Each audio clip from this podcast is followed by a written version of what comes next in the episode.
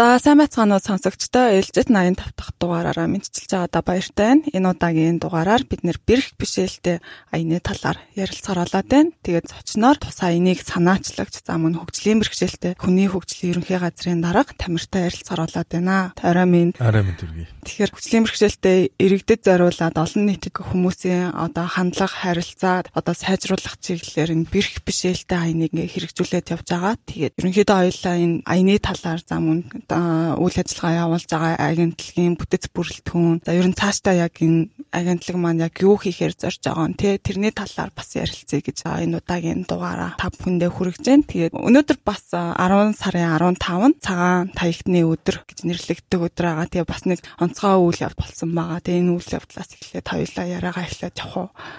Ер нь жил болгоны 10 сарын 15-ныг цагаан таягтны өдөр буюу дэлхийн хараагчдын өдөр зохион байгуулагддаг. Монгол бас нийтдээ нэг 11200 орчим хараагүй хүмүүс манай агентлаг дээр бүртгэлтэй байдаг. Мөн энэ хараагчдын төлөө үйл ажиллагаа явуулдаг. Агентлагаас гадна хараагчдын үндэсний холбоо гэж маш том холбоо бас идэвхтэй үйл ажиллагаа явуулдаг. Тэр байгууллагууд маань тус тусаа өнөөдрийг ихлүү тийм акшн өндөртэй ажил төрлийн нэлээд үр дүнтэй ингэж тэмдэглэж өнгөрүүлж байна. Нэг голлох арга хэмжээ нь хараагчдын цагаан шүн гэж хамтлаг байдаг. Манай сонсогчд бүгд нэлээд сайн мэдэх байх. Ялангуяа бидний одоо аав ээж юу юм. Айгуу сайн мэддэг хоёр сайхан гавьяаттай юм хамтлаг байдаг. Тэр хамтлаг маань энэ 21 он 30 жилийн ан тохиож байгаа. Тэр 30 жилийн ад зориулсан CD тэр хамтлагийн анхны CD-г үйлчлэлийн бэрхшээлтөний ерхий газрын дэмжлэгтэйгээр бид нар хамтлагийнхантайгаа ярьж агаад нэг CD хийвэлсэн. Аан өдрөө одоо эрхийн өдрөө ингээд ирлээ тэгээд ямар ч гэсэн бид нар CD-нийхаа баярыг хийгээд энэ жил болон тоглолт хийсэн бодолтой бас төлөвлөжсэн. Тэгээд 19 сарын 31 хүртэл байгаас хоройтой юм чинь. Онлайн шилжүүлэх талаар бид нар ярилцаад ямар ч CD-ний маань нээлт айгуу сайхан болсон. Удахгүй тэгээд зарагдах бах энэ тэн дээр гой CD гарсан байл. Аа. За тэгэхээр тэгэхээр хөгжлийн бэрхшээлтэй хүний хөгжлийн ерөнхий газар маань болохоор 2018 онд байгуулагдчихсан. Тэгээд өмнө нь болохоор яг нийгэм хамгаалалт хөдөлмөрийн яамн дээр бол яг энэ хөгжлийн бэрхшээлтэй иргэдийн асуудлуудыг бол хариуцаа явдаг байсан. За миний хувьд бол яг тусгаалсан одоо үйл ажиллагааг нь хариуцаад ингээд явдаг. Тустай агентлаг байхгүй байсныг бол сайн мэднэ. Тэгээд яг энэ агентлагийн талаар бас ингээд танилцуулаач яг бүтэц бүрэлдэхүүн нь ямар бүтэц бүрэлдэхүүнтэй дээ. Тэгээд яг энэ агентлагт маань бас яг хөгжлийн бэрхшээлтэй хүмүүс ажилтсан юм болов уу? Энэ яриагаар бас энэ подкаста эхлүүлэе гэж бодож байна. Агентлаг тий 18 онд байгуулагдсан. Нийтдээ 389 хүн ажилтдаг манай агентлаг. Тэгээд энэний 131 нь хөгжлийн бэрхшээлтэй. Энэ 3-ны 1 нь хөгжлийн бэрхшээлтэй хүмүүс өөртөө ажиллаж байгаа. Би бас хувьдаа хөслийн бэрхшээлтэй хүмүүс агентлагтаа яг авах айгуу дуртай. Ягаад тэгэхээр бид нэр энэ хариуцсан агентлагийн л энэ хүмүүстэй ажиллаж олгож ээж бас чаддгийн шүү гэдгийг хүмүүст харуулж ээж тэ эндээ бас хөдөлмөрт бэлтгэж нийгэм рүү бас гаргая. Өөрсдөө бас бид нар бас энэ хөгжлийн бэрхшээлтэй хүмүүс өрсөлдөх чадвартай шүү гэдгийг бас харуулъя гэж жоохон нэлээ амбишус үздэг. Тий манай ээж ч гэсэн ажиллаа сайн хийгээд манай агентлаг бол нэг тийм агентлагууд дундаа нэг тийм яада ороод байдаг. Ер нь гайгуудаа орно. Тэгэл ажиллаж байна. Тийм хөгжлийн бэрхшээлтэй хүмүүсийн төлөө үйл ажиллагаа явуулдаг төрийн бас байгууллагууд айгүй олон жил явсан байгаа байхгүй чинь 50 60 жил ажилласан ч томоохон төрийн бас байгууллага байна. Шинж төрийн бас байгууллага байна. Эдгээр маань төр засагтайгаа нийлээд нэг энэ хөгжлийн бэрхшээлтэй хүмүүсийн талаар дуурдаг төрийн бүтц байжж эрхэд илүүсэн хамгаалагдах гэдэг нэгэд 16 онд л хуулиа баталсан байгаа шүү дээ. Хөгжлийн бэрхшээлтэй хүний эрхийн тухай хууль. Тэр хуулийнхын араас агентлагийн 18 онд байгуулагдсан байна. Агентлагийн бүтцэд бол сэргийн сургалт үйлдвэрлэлийн төв гэдэг. Тэгээд энэ төвд нь юу юу байх вэ гэхээр одоо мэрэгжлийн боловсрол орох сургууль нь байж гэн хөгжлийн бэрхшээлтэй хүмүүсийг нэг жилдээ нэг 140 гаруй оюутныг аваад нэг 2 жил сургаад мэрэгжилд бэлтгэж байгаа. Тогооч, нарийн боовчин, одоо нарийн бичиг, тэгэл одоо мужаан, кофе бариста гэдэр бэлдээд яг тэр хүмүүсийг ингээд ажил хийдэг болох гэж энэ ангууд нь ажилдаг. Тэгээд протезийн үйлдвэр байна. Протез ортопедийн үйлдвэрийг сайд мэдчихэж байгаа одоо нөгөө нэг хиймэл гар хөлчиг, баривч тэрийг хийдэг те. Тэр улсын үйлдвэр нь байж байна. Бас хараагуучдын сургалт үйлдвэрийн төв манай хараад үйл ажиллагаа явуулдаг нийтдээ нэг 60 гаруй хараагүй хүн тэнд ажиллаж байна. Тэд нар гэр хийж байна. Бас ингээд доктор хийж байна. Нойлын цас үйлдвэрлэж байна те. Хараагүй хүмүүс зориулсан тэр спешиал ажлуудын тэнд ингээд хийгээд явдаг. Одоо барайл машинаар юм жишээ нь тэ нэрийн хуудас гэл ажлууд хийж байна. Хөгжлийн бэрхшээлтэй хүүхдийн сэргийн засах төв гэж байгаа сая байгуулагдсан сонсголонд байдаг одоо хүмүүс мэдж байгаа бах. Тэн дотор 250 орц хөгжлийн бэрхшээлтэй хүүхдэд зорьсон клиник эмнэлэг. Зөвхөн Монголдо гэлтгүүд энэ одоо яг ойрын энэ одоо хөх от ч юм уу, эрх хүч юм уу энэ хавийн бүстэй бол хамгийн томд орох эмнэлэг байгаа тэнд одоо яг хүүхдүүдийн одоо хил засал хөдөлмөр хөдөлгөөн засал хөдөлмөр засал усан эмчилгээ гэдэг хөгжлийн бэрхшээлтэй хүүхдүүд маань эцэг ихтэйгээ хамт очоод сахиуртаагаар хөвтөө дэмжлүүл 250 ортой эмнэлэг байж байгаа. Орны дүүргэлт одоохоор нэг 70-аас 80% таа банк байж байна. За тэгээд тэн төвд маань бас хөгжлийн бэрхшээлтэй мөртлөө эцэг ихгүй хүүхдүүд маань тэнд бас өнөр бүлтгөөс илжиж ирсэн байж байгаа. Тэрэн дээр одоо бүтэн 24 цагаас нэндэ байна гэсэн үг шүү дээ. Манай багш нар эмч нар маань асарч хамгаалаад тэгээд байж нийтдээ 50 ортой тэн одоо одоогийн байдлаар 17 хөгжлийн бэрхшээлтэй хүүхдүүд бас сайхан хөгжөд твшээд амьдарч байна. Бас 100 айлт байдаг сэргийн засах эмнэлэг гэж байгаа тийм. Насан туршидтын тэнд эмчилдэг. Тэнд бас үйл ажиллагааг нь одоо тодруулж ярих юм бол хин нэгэн хүн аварт орцсон rehab центрүүд байдаг шүү дээ. Алхад болгодог тийм ингээд нөхөн сэргэх. Нөхөн сэргэх эмнэлэг үйлчлэгээтэй тэр эмнэлэг нь бас манай харьяанд ингээд байна. Тэгэхээр одоо Монгол улсын хэмжээнд одоо 108 мянган хөгжлийн бэрхшээлтэй иргэд байдаг. За тэгвэл яг агентлагийн хувьд бол хөгжлийн бэрхшээлтэй хүмүүсийн холбоодуудтай заавал дээрэс нь нөгөө төр болоод хувийн хөвчлөгийн хамтын ажиллагааг сайжруулах тал дээр бас нэлээд ач холбогдол өгөөд явж байгаа юм шиг харагдсан миний хувьд бол тэгэд яг энэ бэрх биш ээлтэй аяны талаар бас хоёулаа яри. Ягаад ингэж бэрхшээлтэй гэж нэрлээд байдаг те нэг талаасаа тэгэнгүүтээ эн чинь бас бэрхшээлтэй биш шүү. Билүү бас нөгөө ээлтэй болох боломж байгаа шүү гэсэн.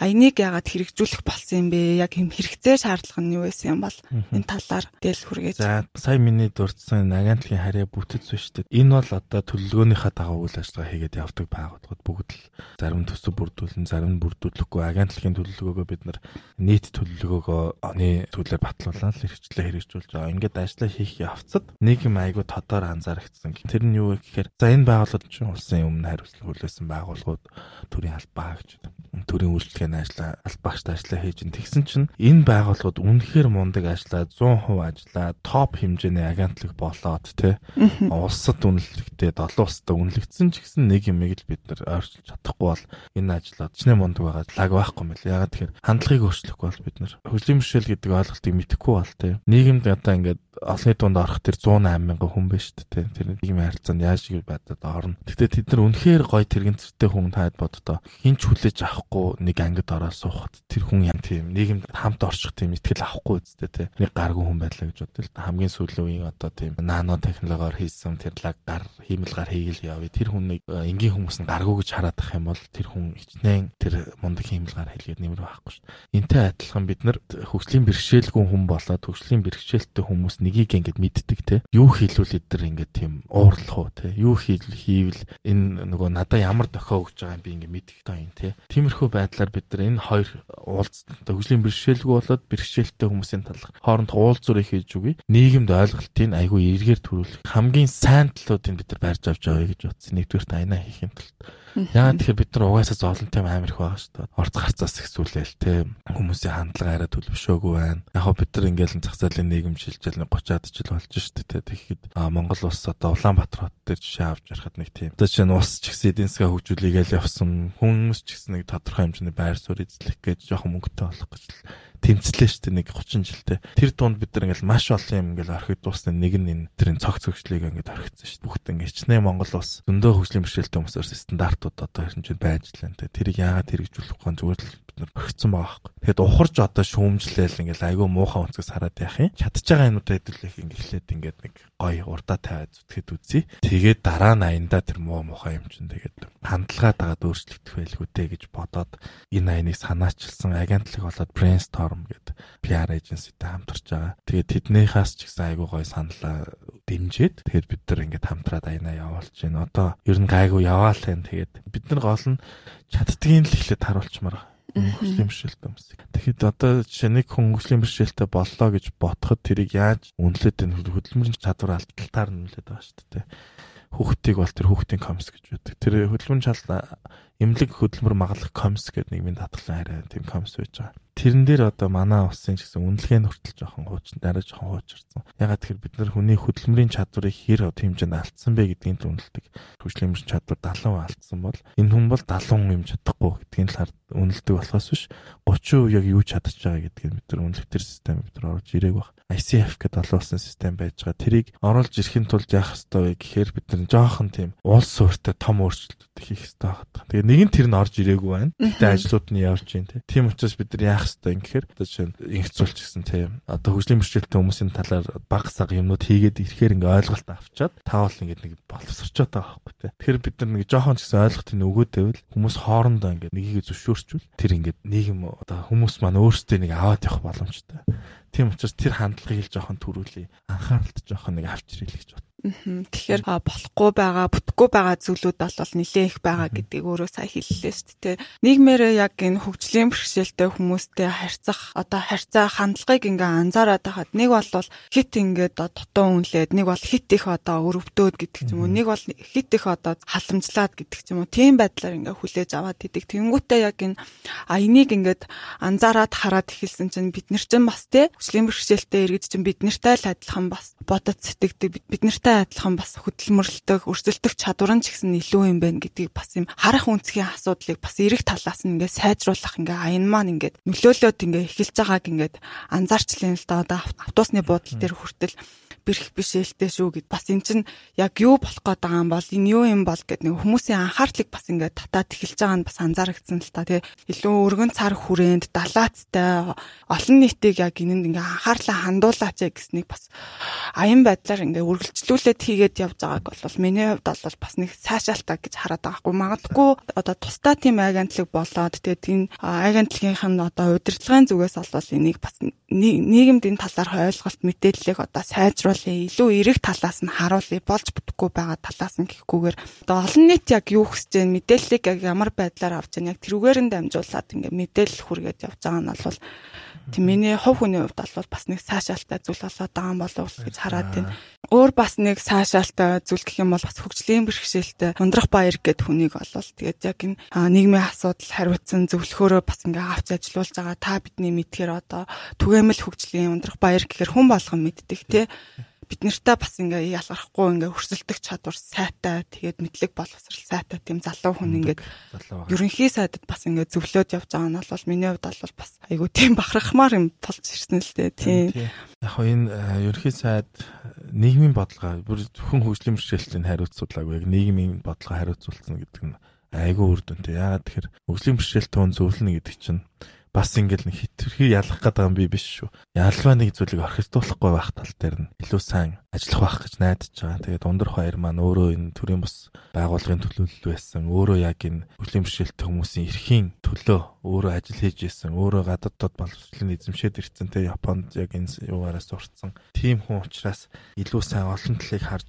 э, зөвлөж чадах байх гэж чин сэтгэлээсээ найдаж байгаа. Айгуу сайн хамтарч ажиллаж байгаа ундар хоёртайгаа. Тийм тэгээд Аз хөгжлийн банкны санхүүжилтээр одоо жишээ нь 6 аймагт хөгжлийн бэрхшээлтэй хөгжлийн төвний хөгжлийн төв барьж байна те. За хотод одоо Улаанбаатар хотод агентлагийнхаа байрныхаа нэг хэсгийг нураагаад тэн дээр хөгжлийн бэрхшээлтийн хөдөлмөр эрхлэлтийн төвийг барих гэж байна. JICA-гийн олон улсын төслийн дэмжлэгээр хөгжлийн бэрхшээлтэй хүмүүсийн хөдөлмөр эрхлэлт тийг одоо дэмжих том төсөл нь бас дөнгөж сая эхлээд ингээд хэрэгжээд явлаа. Бүх энэ үйл ажиллагаан дээр төрийн бас байгууллагууд маань бас цаа оролцдог. Ер нь манай хөгжлийн бэрхшээлтэй хүмүүсийн эргэн тойронд байдаг төрийн бас байгууллагууд бол үнэхээр үнэхээр чадaltaй. Бас одоо нам битэж одоо амраахгүй шүү дээ Тэгэл. Ингээд аягүй сайхан хамтарч ажилладаг. Аа. Бас нөгөө хөдөлмөрийн тухай хуулийн дээр нэг залт байдсан шүү дээ. Тэгээ 25 иргэн тутамд нэг хөгжлийн бэрхшээлтэй иргэдэг аж ахуй нэгж байгууллагууд одоо ажлын байраар хангах үүрэгтэй гэдэг. Тэгээ тэрний зохицуултууд ер нь яг яаж авт юм бол байгууллага болгоно яг ингээ хөгжлийн бэрхшээлтэй иргэдийг ингээ ажлын байраар хангаад явж байгаа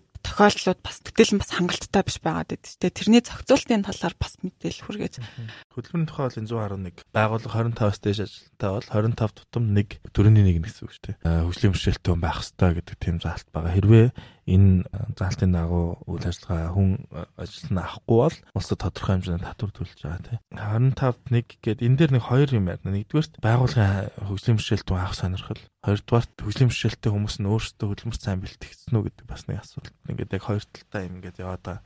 2019 онд хөдөлмөр бэрхшээлт хүн ажиллаагүйгээр улсад цугулсан татврын хэмжээний тэрбум 900 байсан бол 2020 онд энэ 8.3 тэрбум болж өссөн. Яагаад вэ гэхээр нийгэм ойлгоод шүү дээ, тэ. Компани захирлууд ойлгоод байна. Тэгээд ер нь нэг бидний бас ингээд хөгжлийн бэрхшээлтэй хүмүүс болоод агентлагийн бас нэг маш хурдан, айгүй хурдан хийх ёстой ажил бол энэ хөгжлийн бэрхшээлтэй хүмүүсээ өөрсдийн хөдөлмөрт бэлтгэх асуудал. За нэг айл хөгжлийн бэрхшээлтэй хүн бий болчлоо. Эсвэл нэг хүн гимтээд нэг айлын нэг гишүүн тийм болчлоо. Эсвэл нэг айл төгслийн бэрхшээлтэй хөхт төрчлөө те. Тэнгүүт за тэр хөхт одоо яах вэ те. Цэцэрлэгээс эхлээд тэр special care үйлчлэг авч явах хэрэгтэй байхгүй. Тэр нэг онцгойсон багш юм уу? Ном сурах чинь ингээд зориулагдаад хэлэгдсэн байх хэвээр. Хоёрдугаар 10 жилийн сургуульд орлоо. Манай тусгаар нэг 5 сургууль байгаа. Тэрний боловсрал яг адилхан 10 жил сурч байгаа хүүхдийн адилхан боловсрал эзэмшчихэд тэр хүүхэд их сургууль руу орно тий. Их сургууль ороход хүртээмжтэй тэр ангиуданд байна. Сургуулиуд нь тийм байх хэвээр. Тэгжээж бид нартай адилхан яг нийгэмд гарч тэр хүн ингээд ажлын талбарт гарах гэдэг шүү дээ. Яг бид нартай адилхан. Энэ хөгжлийн бэрхшээлтэй тал нь одоо ингээд арай сул байгаа даа л тий. Тэгэхээр ингээд эн чинь эргээд ингээд 25-д нэг за одоо жишээ нь их цулын компани 100 ажилтнтай. За тамира дөрөв хөгжлийн бэрхшээлтэй өнгөтөх. Нэг нь одоо компьютер графикаар ав, инетер ингээд ингээд дөрөв ажлын байр шүү дээ. Энэ дээр би яг үндэ яг шаардлага хангасан. Бусад ажилтнтайс ч адилхан ажиллаа хийчих те. Анхаарлыг чинь татахгүйгээр яг ингэ сайн өрсөлдөж болох тийм хөгжлийн бэрхшээлтэй бид нарыг бэлтгэж чадаад байна гэдэг энэ амар санаа асуудал. Тэгээд тэр хөгжлийн бэрхшээлтэй хүний хөгжүүлэх төвийг бид нар барьж байгаа нь энэ дотор хөгжлийн бэрхшээлт өмнө ажилд бэлтгэх дандаа хаабууд болох юм. Одоо энэ подкастын өрөөнд подкастын саунд инженер ч юм уу те айгуу сайн хөтлөгч бэлдээл та те. Иймэрхүү байдлаар бид нар эхлээд хөдөлмөрт бэлдээд дараа нөгөө компаниудаа ер нь яг шүүмжлэмээр юм шиг байгаад байна. 111-ийн тухай ярихад нэг юм За энгийн хүүхэд тэнгуүтэй хүчлийн бэрхшээлтэй хүүхэд хоёрыг ингээ харьцуулаад үзэхээр яг тэгш хүртээмжтэй боловсролыг яг зэрэг авж гэнэ үү гэхээр бас үгүй болцоод идэх те. Бидний зүгээр өдөр тутмын хийдэг товчоо товчлох зүгээр хувцас хатаах гэд тэр болгоныг чинь тусгай одоо тэр хөгжлийн бэрхшээлтэй хүүхдүүдийн сургууль дээр хичээл болгож заадаг те. Тэнгүүт одоо юу гэдэг чинь яг энэ боловсрлоос нь ахуулаад те. Одоо цэцэрлэг одоо ерөнхий боловсролын сургууль, мэрэгжил сургалтын үйлдвэрлэлийн төв ихтэй сургуулиуд гээд аль болох тэр нөгөө нэг иргэдтэй илүү ээлтэй байхаар тий. Тэгээд тэнд байгаа хүүхдүүд нь хүртэл за багш нар нь хүртэл яг энэ хүний эрхийн мэдрэмжтэй тэр хүүхдүүдтэйгээ ингээ харьцдаг гэдэг ч юм уу. Тийм хандлага харилцааны асуудал маань бас яг энэ аяныг одоо хэрэгжүүлээд дуснаар бас арай илүү нэг тийм эерэг талаас нь бас харах боломжийг бий болгоод байгаа юм болов уу гэж миний хувьд бол тэгж хараад байгаа. Дээрэс нь одоо юу гэдэг чинь нэгэнт одоо нөгөө нас биеийн хүрсэн хөгжлийн бэрхшээлтэй хүмүүсээ харьцаа хандлагыг сайжруулъя тэр хүмүүс чин зүйлүүдийг суулгая гэхээр нөгөө боломж нь арай бага байгаад байдаг. Тэгээд харьцуулаад харах юм бол яг ингээд сургуульд байх үеэс нь тэгээд ихтэй сургуульд байх үеэс нь яг илүү өөрчлөлтийг илүү ингээд мэдрэх боломжтой насны бүлэг ингээд залуучууд байгаад идэх те залуу хөгжлийн бэрхшээлтэй иргэдэг гэдэг бид нартай адилхан одоо өрсөлдөх чадвартай бараг л илүү тэр IT-ийн тэр техник технологийн тэр зүйлүүдийг ашиглаад ингээ явцдаг зөндөө хүмүүс аа. Тэгэхээр ялцчихгүй нөгөө нийгмээрээ нийтээрээ энийг эерэг талаас нь харах тийм хэрэгцээ шаардлага бас байгаад байдаг. Нэг хит өрөвдөд байхгүй, за хит амар халамжтай байхгүй хит одоо бүх юмын урдуур нь хаагуур нь ороод тэгээд альтгүй ингээд яг тэгш хүртээмжтэй байдлаар харьцаад бол хүний эрхийн мэдрэмжтэй байх Жишээ нь э, шатыг хүртээмжтэй хийчээд эсвэл лифттэй олцоод яг адилхан шаардлага тавьж болох байхгүй. Угаасаа стандарт нь байгаа шүү дээ. Ерөөсөө нэг ганцхан зарчим л байгаа. Энгийн хүмүүс нь хөгжлийн бэрхшээлтүүнээ ялгарлахгүй. Хөгжлийн бэрхшээлтэй хүн тэр түүгээрээ төрий барихгүй гэдэг л энэ уулзурыг бид нар амар сайн ойлгуулад тэгэж амьдрах нөхцөлийг бид нар ингээд зүгээр стандартаа мөрдөжүүл болно болчихгүй л аам л. Тэгэд яагаад мөрдөг энэ тэр нөгөө цааш цааштай ингээл амар олон асуудал. Аяны хүрээнд бол ингээд хэдүүлээ голдоо уулзъя л гэж байгаа одоо яг энэ салбарт ажиллаад ингээд мэрэгчээд явж байгаа хүний хувьд би цаашид илүү их энэ хүмүүсийн төлөө их зүйлийг хийх шаардлагатай юм байна гэж чамд одоо өөрт чинь тийм урам өгсөн тийм стори байгаа юу тэндээсээ ингээ хуваалцаач. Зөндөөл юм байна л. Ягаад тэр салбар нь шинэ учраас юу ч хийсэн шин тэгээд ихэнх юм нь өөр газар зохицуулт нь байхгүй юмнууд ингээд байгаа давхар давхар юмнууд байгаа. Тэгээд энэ жил бас хөлийн бэрхшээлт хүний эрхийн тухай хуулийнхаа шинжилсэн найруулгыг бэлтгэсэн оруулах гэж байна. Эрхийн тухай хуулиндаа энэ хүртээмжийн асуудлыг салгаад тусдаа гадгүй байдал хүртээмжийн тухай хууль гэдэг нар хууль бэлдэж байна. Одоо хэрвээ та ингээд энэ хүртээмжийн асуудлыг те стандарта барихгүй бол зөвхөн стандарт зөрчигөө давхар хууль зөрчих болно те.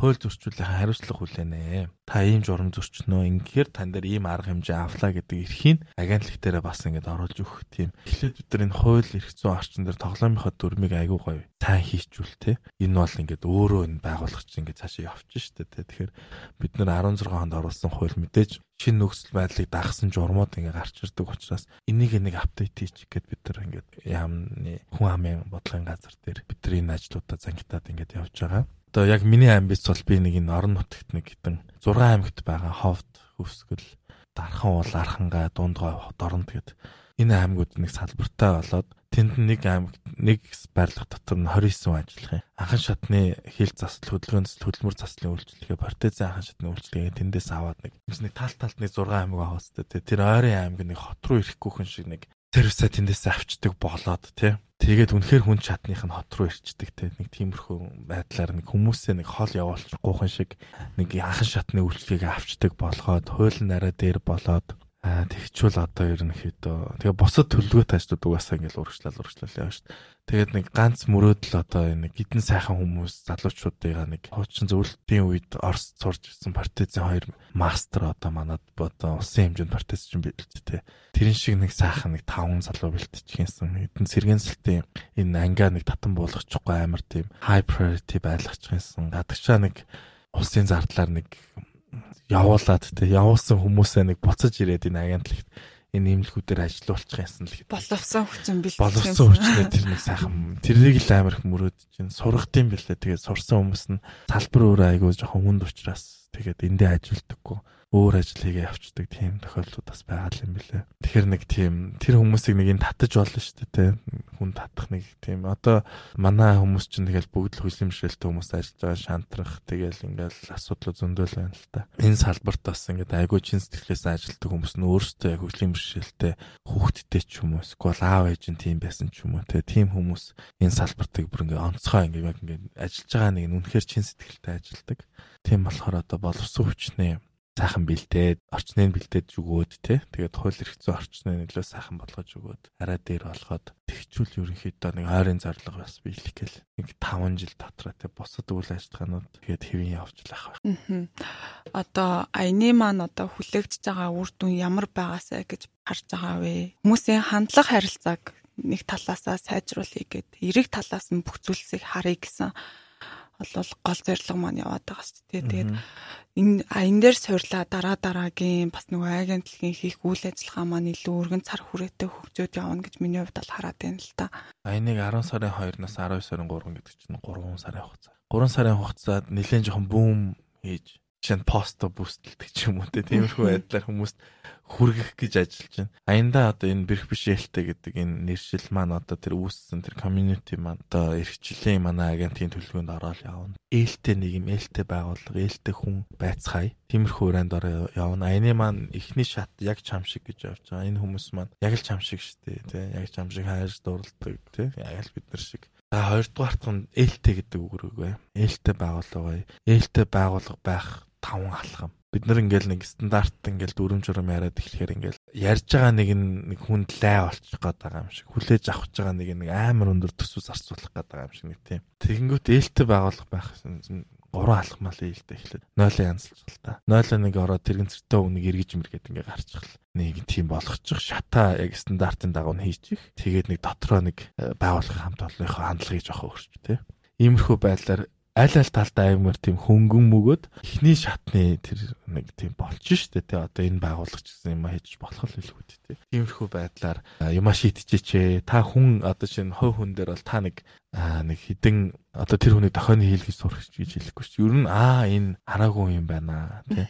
Энэ хүн ийм асуудал гаргаж иж магадгүй. Эсвэл надаас тусламж авахгүй байж магадгүй. Эсвэл энэ аа энэ чинь цогтуу юм чинь саажилтаа явж дээ тий. А эн чинь нэг юм байх шүү. Энэ дээр нь би нэг анхааруулж ийнэ тэрэг нэг тиймэрхүү ойлголтыг бүрдүүлээд явчихъя л гэсэн бодолтой. Тийм үр дүнд хүрэх бах. Тэгэхээр нэг одоо нэг юм доор ингээд уягдаа дүмж эхэлж шүү дээ саарл болж. Тэгэхээр ингээд цаашдаа яаж хөгжихийн тэгээд подкастаар уриалж чинь манай энэ та нэг дээрээ шеэрлээрээ танаа оноо байвал хуваалцаарай тий. Хэрвээ та хөгжлийн бэрхшээлтэй хүн бол сторигоо бидэртэй хуваалцаарай. Гой түүхий чинь ярий те хамт ярилцъя. Хэрвээ та бөгөө танаа хүүхэд илүү сайн олон сайхан community донд ормоор байл бид нар лөө хандаарай. Тэ энэ дунд чинь аюу гой баг үүсэж байна. Нуух юм биш дээ. Энэ бол яг л атлахын гэдэг зарчмыг баримталж байгаа учраас яг л атлахаа оролцоод яваарай гэдэг уриал. Тийм. Тэгээ бас нөгөө үйлчлэгээний байгууллагууд бас бүхэл үйл ажиллагаагаа илүү өргөн цар хүрээнд хүртээмжтэй байдлаар яаж хүргэх тал дээр бас анхаарах хэрэгтэй юм шиг санагдсан. За банкны бүтээгдэхүүн үйлчлэгээ гэдэг ч юм уу те дэлгүүр хоршоо одоо хөгжлийн бэрхшээлтэй иргэдэд үйлчлэхдээ юуг анхаарах уу гэдэг. Тэгээд ингээ хараад ах юм бол яг салбар болгоных нь онцлог тохирсон тийм стандарт тэгээд одоо дүрм журмууд бас байд юм билээ. Тэгэд магадгүй одоо бизнесийн үйл ажиллагаа явуулж байгаа аж ахуй нэгж байгууллага тийм нийгмийнхаа хариуцлагын хүрээнд за нийгмийн хариуцлагын хүрээнд ч биш яг бүтээгдэхүүн үйлчлэгээгээ илүү хүртээмжтэй бүх насны хүмүүст одоо бүхий л одоо хөгжлийн бэрхшээлтэй хүмүүст яг яаж хүргэх вэ гэдгийг нэг тийм асуултын тэмдэг тавиад эхлэхэр магадгүй зарим нэг инновац технологийн шин шийдлийг бий болгох боломжууд бас гарч ирдэг гэдэг ч юм уу тий тэр талаас нь бас нэг хараад анзаараад бас бодоод үзээрэй гэд нэг тэгж бас хэлмээр байна л да. Тэгээ таны түрүүн хэлдэг яалчуд нийгмийн хариуцлагын хүрээнд гэж бид нар нэг тийм үг байгаад байгаа шүү дээ. Нэг тийм буруу ч юм биш. Гэхдээ яг ингээд нарийн бодоод үзвэл энийг нэг тийм би энийг буян үлдэх гэж хийж байгаа штэ гэсэн нэг тийм сэтэр урдаа зүүх гээд байгаа юм шиг те. Тэгэхэд энэ бол яг тийм юм биш шүү дээ. Энэ зүгээр хүний нийгмийн нэг л хэсэг байх хэвээр. Байх л хэвээр одоо тэгэл улс дундчаар улс орнуудын 3% хөгжлийн бэрхшээлтэй хүмүүс байна. Угаасаа л бид нар хамт оршин тогтно. Энэ бол устж үгүй болохгүй, улам нэмэгдээд ингээд гараад яваад ахгүй тий. Ингээд бидний нэг л хэсэг шүү дээ тий.